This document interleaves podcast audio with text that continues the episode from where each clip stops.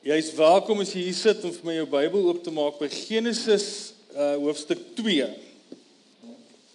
Ek wil met ons begin met 'n uh, Genesis hoofstuk 2. Genesis natuurlik beteken die begin en uh ek besef is nodig soms vir ons om 'n uh, veral veral in hierdie gemeente en vir vir dit wat ons doen en waar ons op pad is vir my om net weer vas te maak wat is die waardes van hierdie gemeente? Wat is die kultuur wat ons kweek binne in hierdie gemeente?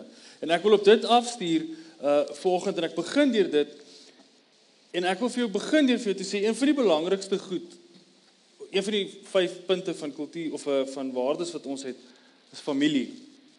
Familie wees is vir ons bitter bitter belangrik.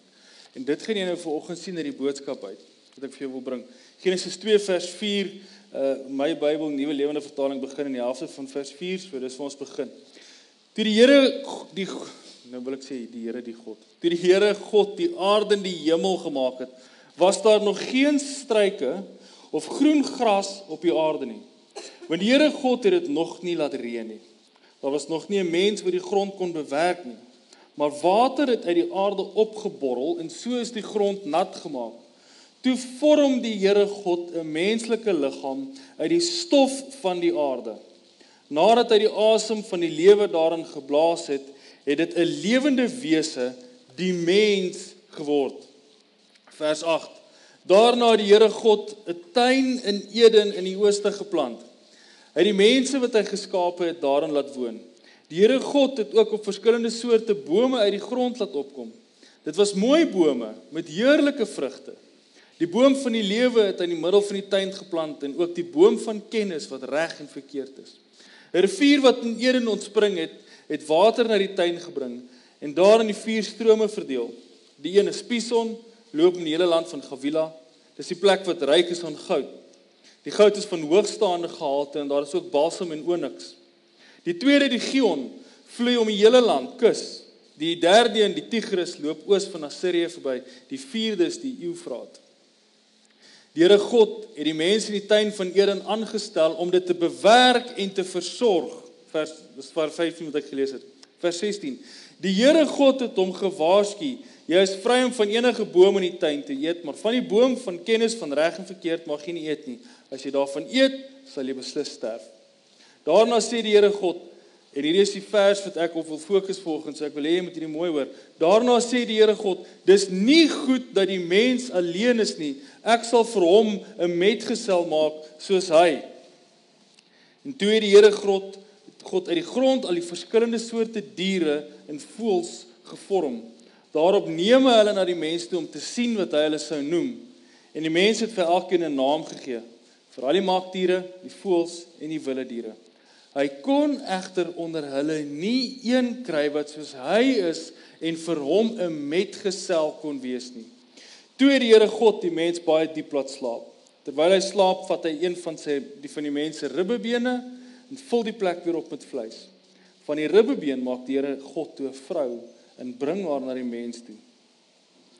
En as jy glo nie in in wat jy glo natuurlik soos ek is, dan sal jy besef hierdie is die begin van die wêreld in vers 23 is sover ons weet die oudste gedig wat ooit geskryf is wat so bietjie in vertaling ongelukkig vertalingstegnieke wat ons gebruik ontbreek.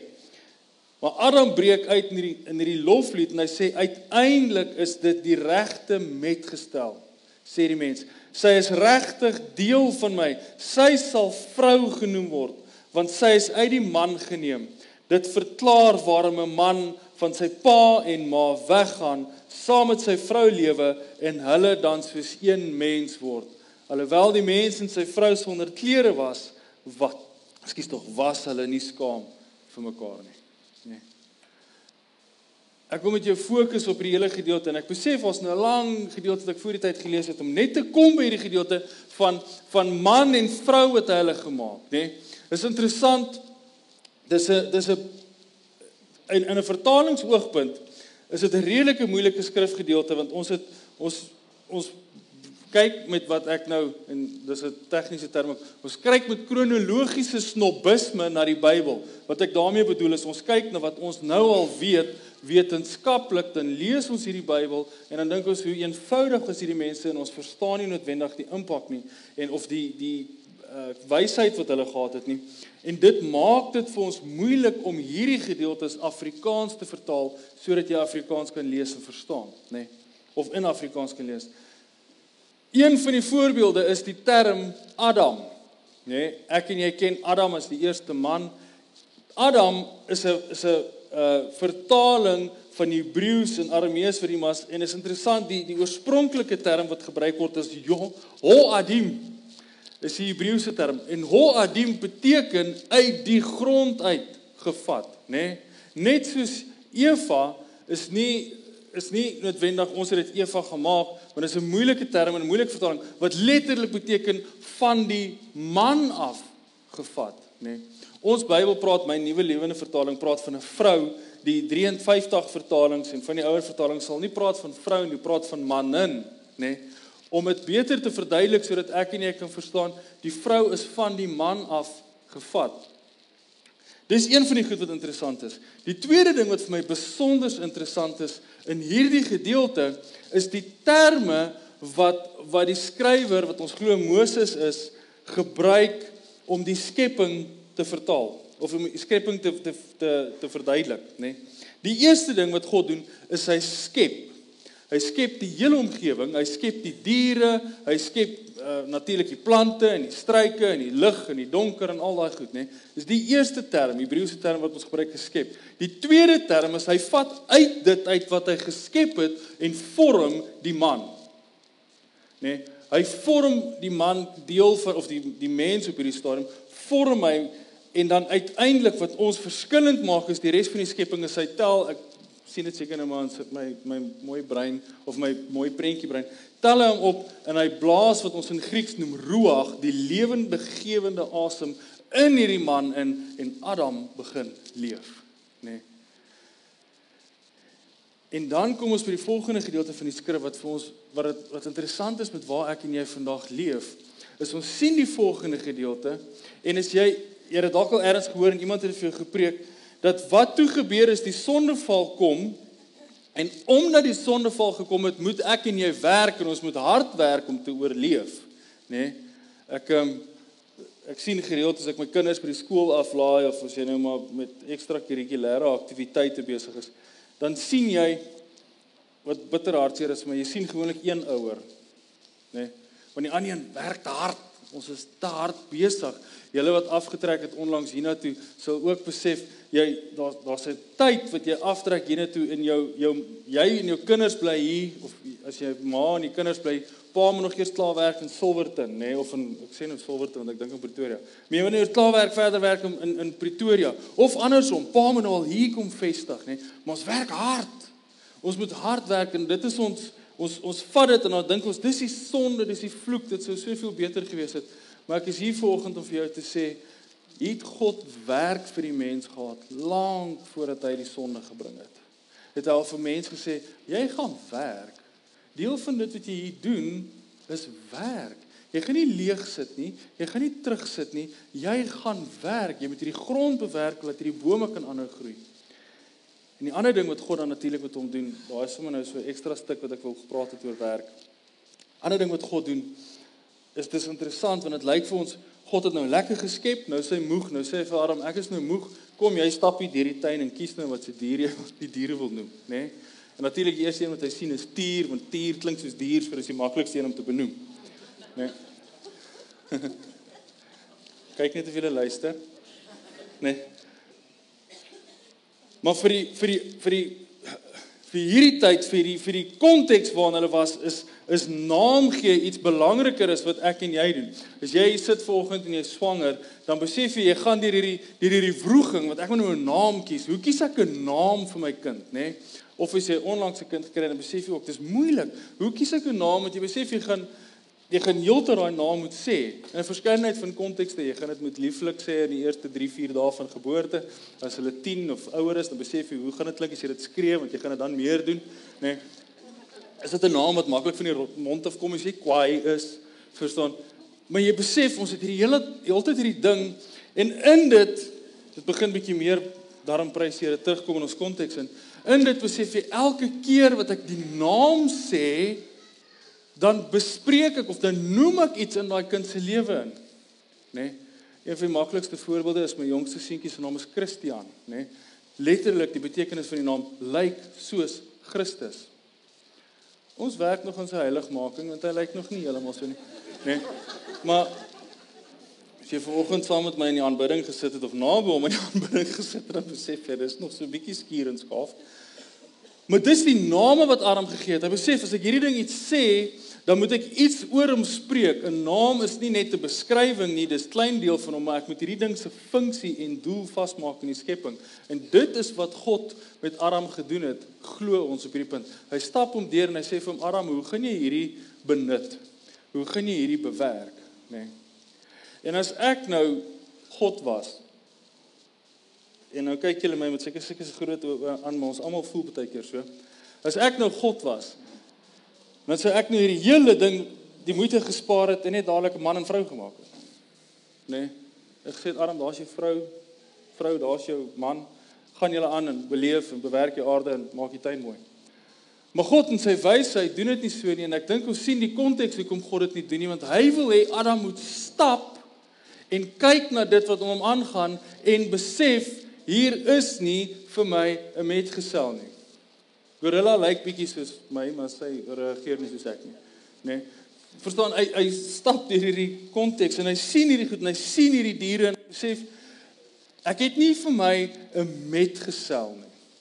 En is op daai punt en hier's iets wat moeilik is vir ons.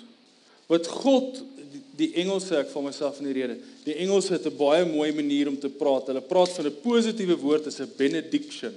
Het jy dit al gehoor? 'n Benediction, né? Nee? 'n Benediction is elke keer 'n mooi woord, 'n mooi woord wat gespreek word. En hier Genesis 2 sien ons vir die eerste keer dat God iets sien en sê dis nie goed nie en dit wat hy sien en sê is nie goed nie, is vir die man wat alleen is, né? Nee? Ons deel van ons uitdaging is ons dink God het ons geskep en alleenheid is 'n is iets waaraan ek en jy moet funksioneer. Ons voel baie keer alleen is hoe God ons wil hê en baie keer doen jy voor huwelikse bereiding voorbereiding dan leer ons mense jy moet okay alleen wees nê nee? jy mag eers trou as jy okay daarmee is om alleen te wees. En die interessantheid is toe ek hierdie voorberei het besef ek dis glad nie God se punt vir ons nie. Alleen wees is die eerste ding wat God sien en sê hierdie is nie goed nie En God kom hier en hy skep iets en dis ons waardesisteem wat ons in hierdie kerk handhaaf. Hy skep familie. En hy sê ons gaan saam beweeg of jy moet saam beweeg. Jy moet iemand hê wat jou metgesel is. Nou ander vertalings praat van 'n helper, nê? Nee? Maar helper vir ons het bietjie van 'n negatiewe term geword, nê? Nee? Bietjie gedryf deur die feministiese beweging wat nie hou van die term nie, maar ons het dit ook 'n neerhalende term gemaak. Nie neerhalend nie, maar dis nie vir ons so positief soos wat dit oorspronklik was in die Bybel nie. En God kom, ek het net nou vir julle twee vertel, hy skep en hy vorm die man en hy laat die man slaap en hy doen iets wat verskriklik interessant is, maar wat weer vuil hande behels, hoor ons in die in die beskrywing van Moses en hy bou die vrou, nê? Nee? En wat baie mooi is en ons het baie liedjies al oor dit geskryf en ons sing dit, ons koester dit. Want ons sê hy haal die ribbebeen uit en dan vorm hy die ribbebeen. Een van die moeilike vertalings is ons weet nie heeltemal wat dit is nie. Want dit is 'n ribbebeen, maar dit is ook 'n sy, maar dis ergens in die middelste gedeelte van hierdie man se lyf. En ek noem dit vir jou want ek besef dis nodig vir my en jou om te besef as God wou gehad het die vrou met die hoof van die huis wees, dan sou hy waarskynlik Adam laat slaap het en 'n gedeelte van sy brein of sy kop of iets gevat het en hoër opgeplaas het, nê? Net so moet ek vir jou sê, dis my lekker om te sê want al die tannies lag, nê? Maar net so moet ek vir jou dieselfde sê, as jou vrou jou vloerlap moes gewees het, dan sou hy jou voete gevat het. Maar hy doen dit nie. Hy vat jou ewig nie. Hy vat jou middel een kant toe en bou vir jou 'n metgesel. Te lank hamer ons op aanhalinge uit die Bybel uit wat ons totaal buite konteks doen oor Efesiërs 4 wat ons sê die man is die hoof en ons wat ek is en ouer is wat in die weermag was, neem hierdie kleed aan en neem hierdie hoof aan en dink onmiddellik my rol en funksie in hierdie huis is om almal wat saam met my hier te bly op trane te kry om uiteindelik die beste punt dit daal ek my pa aan hy het dit altyd gesê die beste punt van die weermag is is die mense voor jou op dit nie val en sê ek kan nie meer in die korporaal en ons Afrikaanse mans ekskuus ek trap dalk op tone ons Afrikaanse mans het daai ding aangeneem en ons word hierdie bombastiese hier in gebied my huis my reëls En behoor jou siel as jy 'n vrou is wat teen my praat. Dit was nooit die intensie van die Bybel nie. En ons sien dit hier. God skep vir Adam 'n helper. Nê? Nee. Wat beteken helper? My laities is nou jonk, so dis vir my 'n baie maklike voorbeeld om vir jou te gebruik. Maar wanneer my kind iets nie kan doen nie, dan kom hy na my toe en hy sê nie vir my pappa jy's my metgesel nie, hy sê vir my pappa, kan jy my help? Ek weet iets, ek kan iets doen wat my laities nie kan doen nie. God kyk na Adam en hy besef hier's goed wat hierdie skepping, hierdie wese nie gaan kan doen nie. Hy kort 'n helper. Nee. As ons kyk hoe dinge vandag werk, hoe hoe mans dink en hoe vrouens dink en hierdie is uh dis 'n sê ooit sou belangstel, moenie al sy goed kyk nie, maar van sy goeds baie goed. Jordan Peterson het baie mooi video's wat hy gebring het oor oor die verskil tussen man en vrou. Ek weet nie aldag hoe erg hy in Christen geloof is nie, maar hy's 'n gelowige of 'n godsdienstige. Maar hy het hierdie ding wat hy noem wat hy sê toe die toe die World die toe die Twin Towers, die World Trade Center in mekaar val, het die mans, brandweermans, hulle uniform aangetrek en ingestorm en ek kan nie onthou presies hoeveel is dood nie, maar hulle het nie omgegee nie. Hulle het net gesê hier's 'n taak wat gedoen moet wees. Ek moet die taak verrig. Ek gaan my goed gryp en ek gaan instorm. Die vrouens het gestorm by die hek vasgesteek of by die buitekant vasgesteek vir myself of vir hulle self gesê myself ek moet my emosies binne beheer kry. Meer as dit ek moet my emosies afsit dan sal ek kan reageer. Want ek en jy kan wat vir mekaar sê maar daar's een goed wat of twee dinge wat konstant is. As dit kom by die huwelik dan is ek as man altyd logies denkend en my vrou emosioneel. Nee Ek het nou gedink sy gaan sê ek het nie eens geweet jy dink nie. Nee. Maar Maar ek en my vrou, dit is dis ons dis ons ek wil amper sê dit is ons return uno kaart. Ek is logies, nê? Nee, sy is emosioneel. Hoe weet ek sy is meer emosioneel as ek? Sy kom by die huis in, sy gee vir my een kyk en sê wat gaan aan? Ek sê nee niks nie en sy sê wat's fout? En ek sê nee niks nie. 3 dae daarna gaan ek na haar en sê weet jy jy was reg, ek het nie lekker gevoel nie. Dit vat my 3 dae om te prosesseer ek was kwaad of depressief of af. Dit vat my vrou 2 sekondes om my in oë te kyk en te sê jy voel nie lekker nie, ek kan sien jy's nie lekker nie. Maar vir my is dit druk dit af, suppress dit. Ek moet logies dink, die kinders moet bad wat ek nie eintlik doen nie. Daar moet kos gemaak word wat ek ook nie ek kan nie nou voorbeelde dink vir wat ek doen. As Ja, ek um, ek doen ook goed by die huis. Ek weet net nie wat dit is altyd nie. Maar ek is betrokke. Ek is ek is daar met goed, nê? Nee. Maar sy is emosioneel vir my baie verder as wat ek is. En ek is logies met my vrou baie verder. Nê? Nee. En sodoende kom die twee van ons op 'n punt, kom jy en jou vrou op 'n punt en jy en jou man op 'n punt dat julle vir mekaar kan sê, "Help my, reageer ek emosioneel en het ek logika nodig?" En jy as man en jou vrou te kan gaan sê, "Ek reageer logies, ek het gou 'n bietjie emosionele kwessies nodig."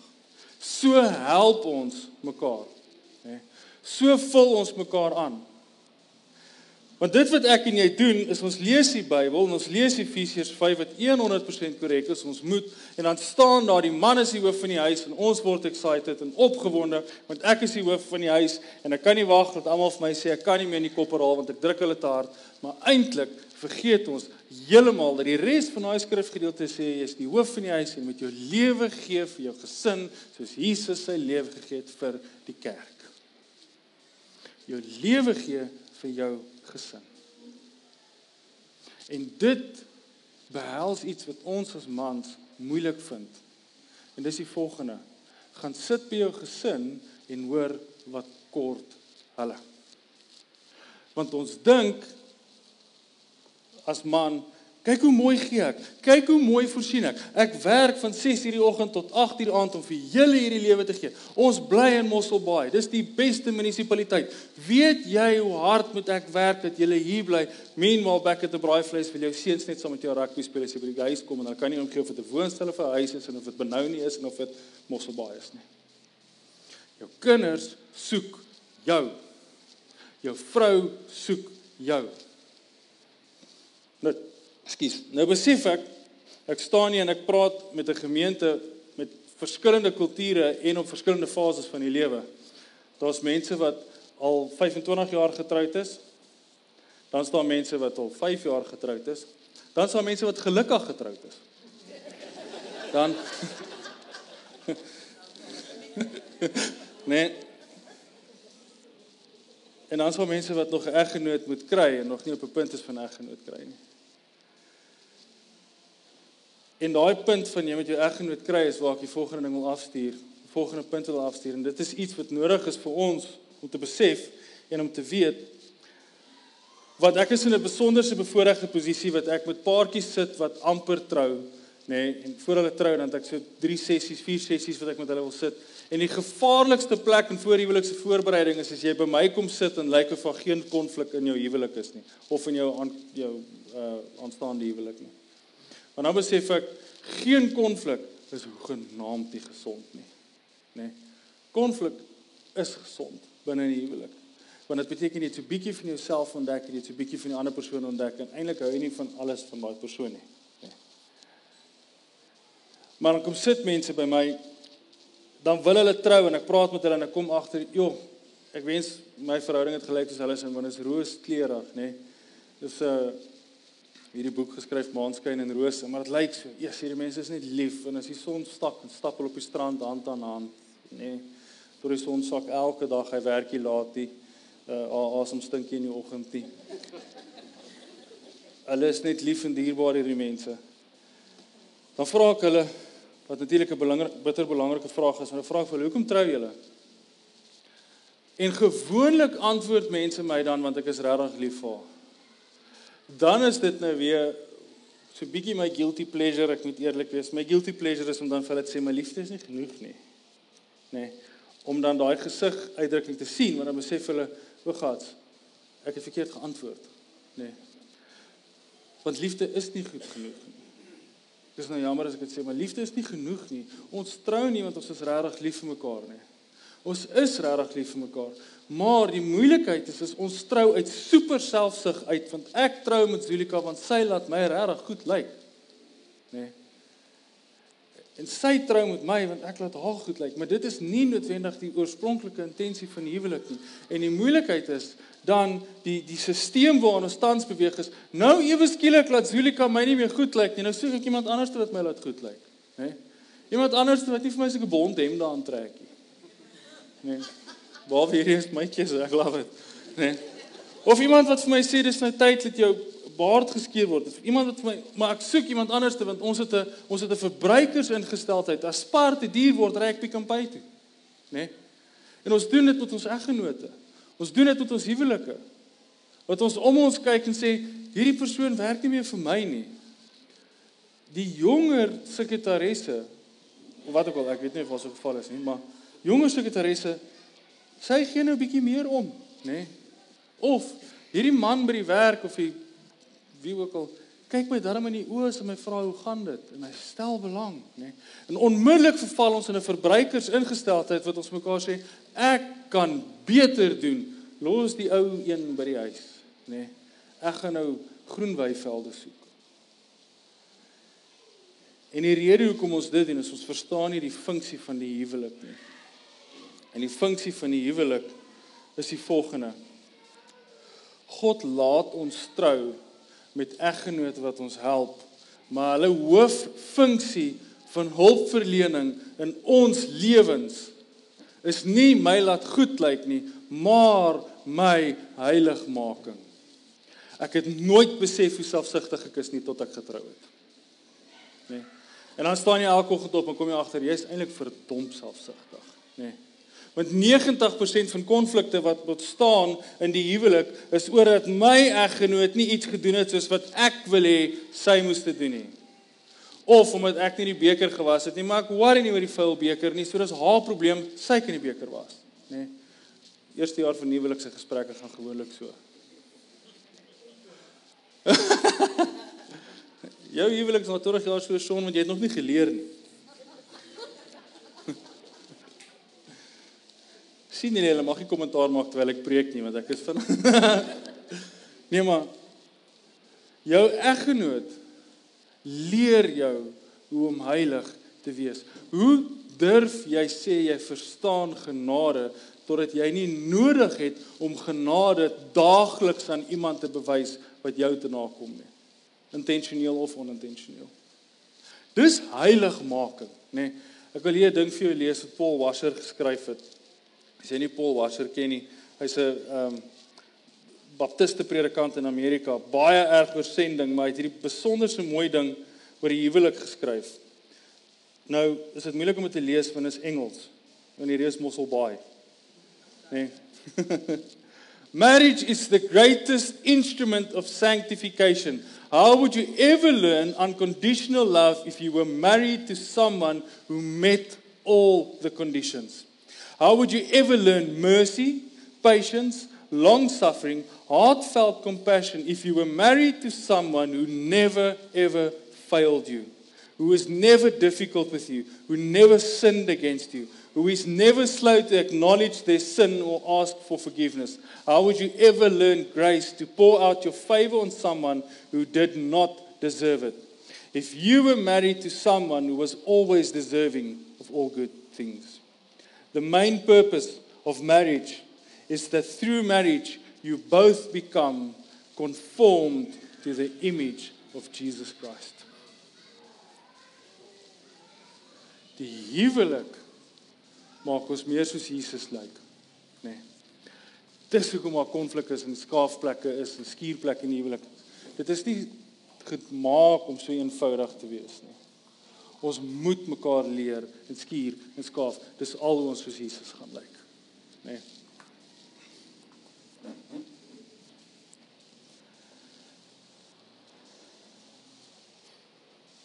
Ek dink baie keer en ek het en ek baie keer glo ek het ander kere het ek nodig om myself meer te oortuig van dit. Dat ek dink my my my gawe of my my grootste geskenk van God af is my gawe om met mense te praat. Partykeer dink ek dit, nê. Nee. Dis nie aldag vir my maklik nie. Ek is ook senuweeagtig voor ek hier moet kom praat. Hoe kom anders maak my simpel grappies soos 100 oor vir jou kyk, nê. Nee. Maar ek dink partykeer dis my grootste gawe. Maar ek besef my grootste gawe is dat God my genoeg geag het om my te laat trou met iemand. En hy het my die grootste instrument van sy heiligmaking vir my gegee. Dit is natuurlik die Heilige Gees. Die Heilige Gees help my, skuur my, skaaf my. Maar as die Heilige Gees nie in my huwelik is nie, dan sou ek al lank al nie meer getroud gewees het nie. Nee.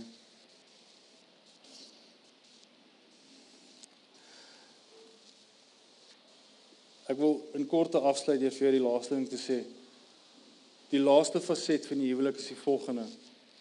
Die huwelik herinner ons nie net heeltyd aan ons heiligmaking nie.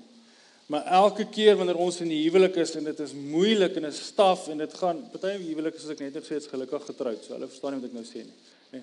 Maar dis moeilik want ons skuur en ons skaaf en eintlik wat God besig is om met ons te doen in elkeen van hierdie fasette wanneer dit nie maklik gaan nie is om ons te herinner dat hierdie lewe, hierdie huwelik is nie jou finale blyplek nie. Ons is bootpilgrims op reis hierdeur.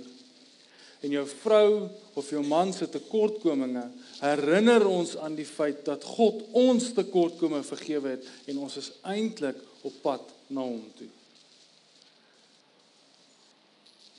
Die die mooiste mooiste mooiste deel van die troudag vir my nou natuurlik is nie noodwendig daai oh, as die bruid agter die gordyntjie of deur die gordyne kom nie. Nee. Inteendeel, ek moet eerlik wees, ek hou eintlik nie die bruid dop nie. Die mooiste oomblik vir my van die bruidegom of van die bruidag troudag is daai oomblik wat die bruidegom daar staan en weet sy's nou net agter die deur en sy moet inkom en jy kan sien onthou ek het gesê mans is logies, hy weet nie hoe om emosioneel te reageer op hierdie oomblik nie. Nee, want sy brein is besig om totaal en al uit te reageer. Soos moet ek huil, moet ek nie, is ek kwaad, wat moet ek doen? Nê. Nee. En hierdie man staan op hierdie oomblik van bewe en dan het hy die verskriklike of hy's bang sy's nie daar nie. Dit beteken dink ek gebeur ook. Dan die oomblik wat hy sien, nê, nee, dan bars daai emosies. Dan het daai spanning opgebou tot op daai punt en die oomblik wat hy sy bruid vir die eerste keer sien, dan bars hierdie emosies. Gewoonlik, ek moet vir jou sê van al die troues wat ek gedoen het, het ek een bruidegom gehad wat nie gehuil het nie, nê. Nee. En ek dink is oor dit sy pelle vir hom 10 rescue pille ingegee het net voor sy gekom het. Een bruidegom het nie gehuil het nie. Die res van hulle kyk vir sy bruid en hy begin huil.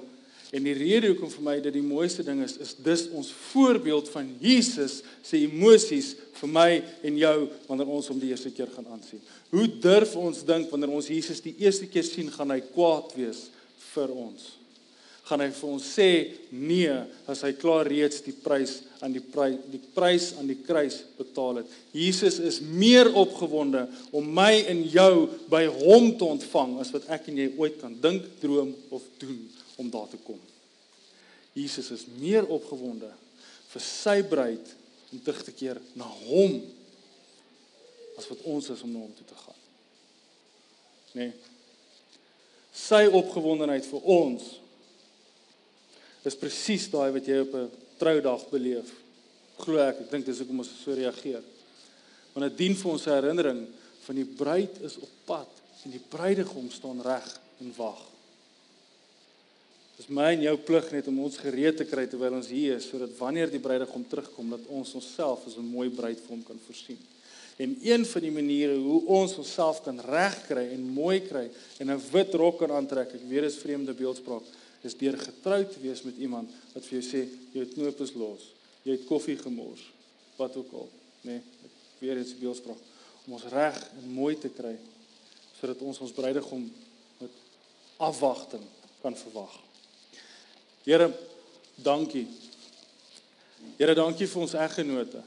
Here, dankie vir vir vir elke oomblik wat dit goed gaan, maar nie net vir die oomblikke wat dit goed gaan nie. Here, dankie vir die oomblikke van konflik. Dankie vir die vir die skuur en skaaf oomblikke. Here, dankie vir die skrif, vir die Bybel wat ons leer eyster slyp eyster, maar vriende en eggenote vorm mekaar. Here, dankie dat ons ver oggend as gemeente hier kan staan en en u naam kan uitroep en sê help ons om minder te word.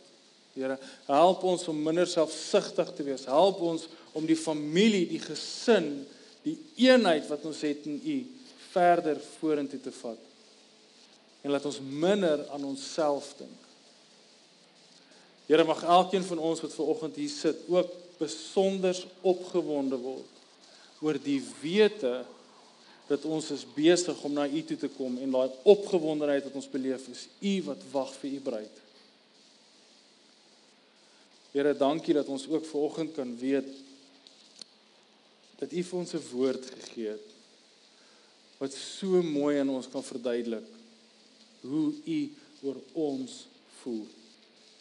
Here laat ons beeldspraak het van trou en beeldspraak het van een wees en en en inspraak het van die woord af van hoe ons een moet wees en hoe opgewonde U oor ons is, Here, en hoe lief U vir ons is. Here mag ons dit as gemeente vanoggend weer opnuut ervaar. Hoe U liefde in ons harte insink Here mag ons ook vanoggend weer besef ons het U lief want U het ons eerste lief gehad. In Jesus naam alleen bid ons dit. Amen. Amen.